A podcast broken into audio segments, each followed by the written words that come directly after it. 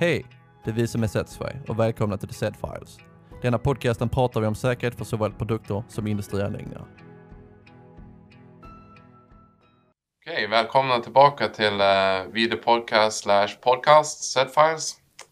Uh, vi kör ju numera både i uh, Spotify, enbart ljud då, och uh, video via Youtube. Det är ju väldigt moderna av oss. Ja, helt otroligt. Ja, det. Eh, här avsnittet eh, kallar vi då C-märkning. Eh, när kan man göra det själv och vad innebär det? Så det är ju lite så vi, vi har ju jobbat med C-märkning ett tag och det man kan säga är ju att de allra flesta projekt som vi hamnar i är ju självdeklarerande. Mm. Eller självcertifiering eller sådär va. Och det innebär ju att eh, i princip att någon ska ju ta ansvar för, eh, för eh, maskinen eller anläggningen och signa ett papper som kallas egoförsäkran. Och i och med att man gjort det så är den också C-märkt tills motsatsen är bevisad. Mm. Det är ju i princip så det är. Så är det.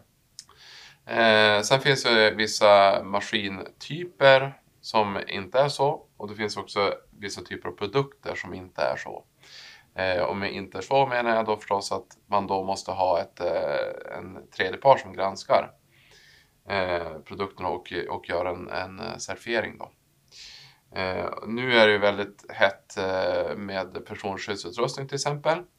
Eh, där är det ju väldigt tydligt, eller, jag kan ju bara snabbt gå in i det området, så är det ju så att där har ju tre kategorier för personskyddsutrustning. Eh, den första kategorin, väldigt enkla skydd mot låga risker. Eh, där är det ju självdeklarering som gäller. Eh, och tittar man då på kategori 2 och 3 eh, så är det tredje part, anmält organ som det kallas då, som ska göra en, ett test och ett eh, godkännande av produkten. Eh, för att den ska vara C-märkt helt enkelt. Och då pratar vi som i nu, nuläget har med, med corona och covid. Eh, ansiktsmasker, ansiktssköldar och sånt där som, som skyddar mot just den typen av eh, saker. Bland annat. Mm. Men eh, vi pratar lite maskiner då. Eh, och eh, då har vi ju anläggningar eh, och mobila maskiner som vi kanske ska snudda vid lite grann då. Mm. Ehm, hur tänker du kring det? Vad, vad innebär det med självdeklarering och, och självcertifiering för dig? Ja, men eh, det är ju att man ska ta ansvar för det man har gjort och eh, bevisa att de här hjälpmedlen, standarderna, att de har haft som till hjälp för att till mitt arbete. Och det är ju bedömningar man gör som så att grundgrejen är att man ska förstå vad man håller på med kanske. Mm. Det, det, annars så blir det ju lite svårare kanske att göra en sån här eh, självdeklarering och tala om att man har gjort rätt. Mm. Om man inte förstått principen. Men har man gjort det så kan man ju i princip skriva vad man vill. Mm. Och sen så kan man skriva under och sen så är maskinen C-märkt. Mm, just det. Ehm, är det, hur, i din erfarenhet, har, har du liksom stött på där man på något sätt utnyttjar kryphålen i, eh, kring det här? Jag, jag, jag bryter in igen här. Nej, men jag, jag tänker så här att, att eh, det jag menar är ju att när det är en, när det är en tredjepart som tittar på Mm. maskinen eller produkten, ja då är det ju väldigt, det blir ju väldigt svartvitt. Då får ju någon som tittar då och godkänner. När man, när man istället gör någonting själv, man har en egen, ja, man, man gör sin egen bedömning, Mm. då kan man ju också kanske, Om man säger istället så här då, att jag blir mer förvånad när jag får se en riktig, ja, en, en, en, en bra eh, självdeklarering och egenförsäkran på en, en, än att man får, of, allt för ofta så är det ju bara, är det ju väldigt fel. okej. Mm. Där man tolkar fel, man gör fel och minimerar allt vad man kan. Alltså, man siktar för lågt eller? Mm. Man, man gör inte sitt jobb ordentligt. Mm. Ja, just det. Men ehm, hur, eh, vad är det som du tycker brukar liksom brista då? Vad är det som... Oftast är det ju, känns det som lite förfabricerat lite grann. Att man har inte, man har skrivit ner lite grejer som ska vara dit och sen så börjar man titta på det där och så känns det som inte riktigt som att de ens har gjort något jobb utan det här är bara någonting som man bara skjuter ut. En pappersprodukt? En pappersprodukt och egentligen inte gjort något jobb överhuvudtaget. Eh, och eh, om man bortser från alla sådana här dokumentationer så tittar man, kan man ganska snabbt se att de oftast inte har eh, anammat alla de standarder som är rätt. Man kan hitta gamla standarder som är totalt ur tiden. Alltså allt för ofta så eh, det, man har hittat en, eh, en mall Ja, en mall. Ja, precis. Sign, så signar man det där och sen ja, men, sätter dit sin sköld. Så att det granskas ju allt för, för lite ändå. Fastän det har blivit mycket hårdare, mycket mer tätare besök ute och sådär så, så det finns alldeles för mycket kryphål. Typ. Mm. Har du varit med om att eh, någon av dina anläggningar har blivit granskade sådär? Att de, du har fått lämna ifrån dig dokumentationen? Nej, inte jag. Har, inte, inte, har aldrig varit med om att jag, min dokumentation har fått var, blivit granskad. Jag vet om att det har varit granskningar på plats på ett företag där de tittar, men de gick inte så, jag kan inte ha gått så hårt in på... på Med dem, då menar du Arbetsmiljöverket? Ja, då menar jag Arbetsmiljöverket. Jag tycker inte att de gick in så hårt som de borde göra kanske och synas. Ja, det kanske var en intressant uh, upplevelse att få en, fullt ut. Med risk, för att jag, med risk för att jag får hela industri-Sverige mot mig. Så. Ja.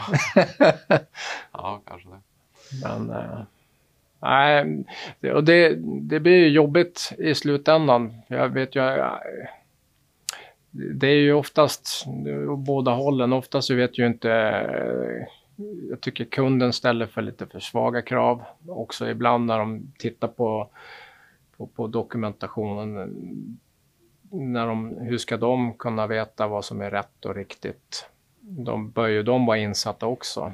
Mm. Beställa ja. kompetens. Beställa kompetens är ju ja, ganska, det är ganska viktigt. Mm. För att, jag menar, det, det är ju ändå så, okej, okay, de går ju fri, men samtidigt så... Mm. Ja, där har ju du gått in och, och gjort till lite grann mm. projekt. Där har jag gått in nu på slutet och fått, ja. fått förtroendet att ja. springa runt och bråka med folk. Mm. Om sätter det mellan, mellan Var som en jobbig liten ja. fluga som ja. hoppar emellan. Ja, ja det, är ju, det är ett ganska spännande projekt. Mm. Ja, men det, så verkligen. Ja, men jag, har ju, jag har ju faktiskt väldigt, i princip ett dagsfärskt exempel där en, en, en maskin, en mobilmaskin som jag ska titta lite grann på där. Mm. Där man, ja, den har gått sönder och, och det är ingen olycka på personnivå men, men väl en liksom egendomsskada. Mm. Eh, och eh, den maskinen har blivit stoppad på grund av att den saknar dokumentation. Mm. Det är ju väldigt lätt det där att man liksom... För det är ju, det är ju, I det här fallet så fanns ju en... Det var ju en färdig maskin som var fullt mm. CE-märkt och så. Mm. Bygger man om den, mm. man har inte dokumenterat ombyggnaden. Mm.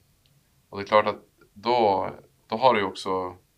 Det är inte nödvändigtvis så att du ska CE-märka om maskinen. Nej. Men däremot så måste du dokumentera upp vad du har gjort. Mm. Så att det här har vi pratat om lite grann tidigare, att man har liksom, nu är nu visar jag med mina fingrar här, men det är för podcastpubliken. Ja. Eh, nej, men att man, eh, man är på en nivå och sen gör man en ombyggnad, alltså mm.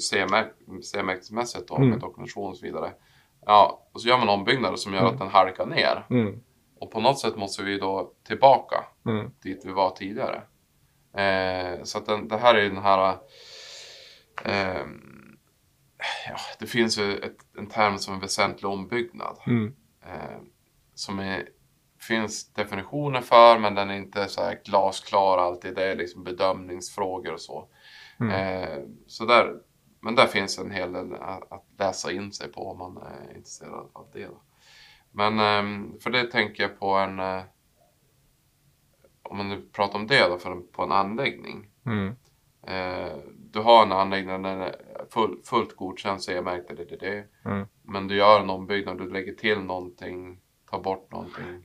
Vanlig scenario är att man kanske ska integrera en gammal befintlig anläggning mot, och så ska man bygga på någonting. Just det. Och det var lite det som vid ett tidigare avsnitt som jag snackade om att det, då måste man ju gå in och bygga om man ska integrera säkerheten mellan varandra. Just det. Och där bör det ju, tycker jag, det är en vanlig och där kan det oftast bli lite slarv. På att uppfölja dokument, do, dokumentation och sen all, på stora företag så, blir, gör, man ju rikt, gör man ju faktiskt riskanalyser och, och, och sådär men eh, på, om man ska bygga om med en liten maskin, det görs inte alltid Nej, så på Och- mindre bolag. på mindre bolag. Och det är ju inget bra. Men då, då tappar vi precis det som det är. Då gör man ju någonting. Och ska man då härleda någonting som har gått snett och fel, Mm. då blir det svårt. Jo, men det är ju... Jag, jag tänker det här med... Men, det låter ju så enkelt det här med självdeklarering. Mm. Att eh, någon eh, tar det här pappret som kallas egenförsäkran, signerar det Mm. och så är det bra med det liksom. Mm. Problemet är ju att, eller problemet, men det här dokumentet är ju ett juridiskt bindande dokument. Mm. Som eh, du som signar, om det är liksom VD eller produktionschef eller någon annan eh, som signar dokumentet tar ju ansvar för att allt som st- står här också Uppfylls. uppfylls. Mm.